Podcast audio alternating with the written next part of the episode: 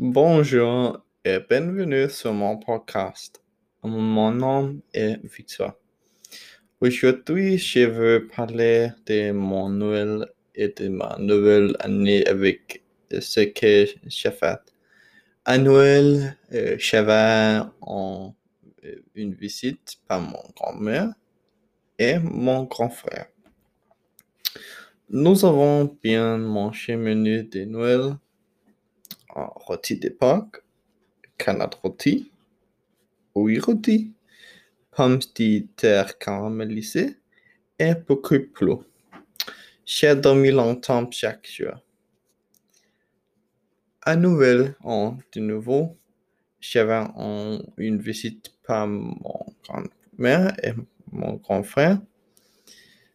Nous avons des sushis pour le dîner et pour le dessert, nous avons au choisi une dessert chacun.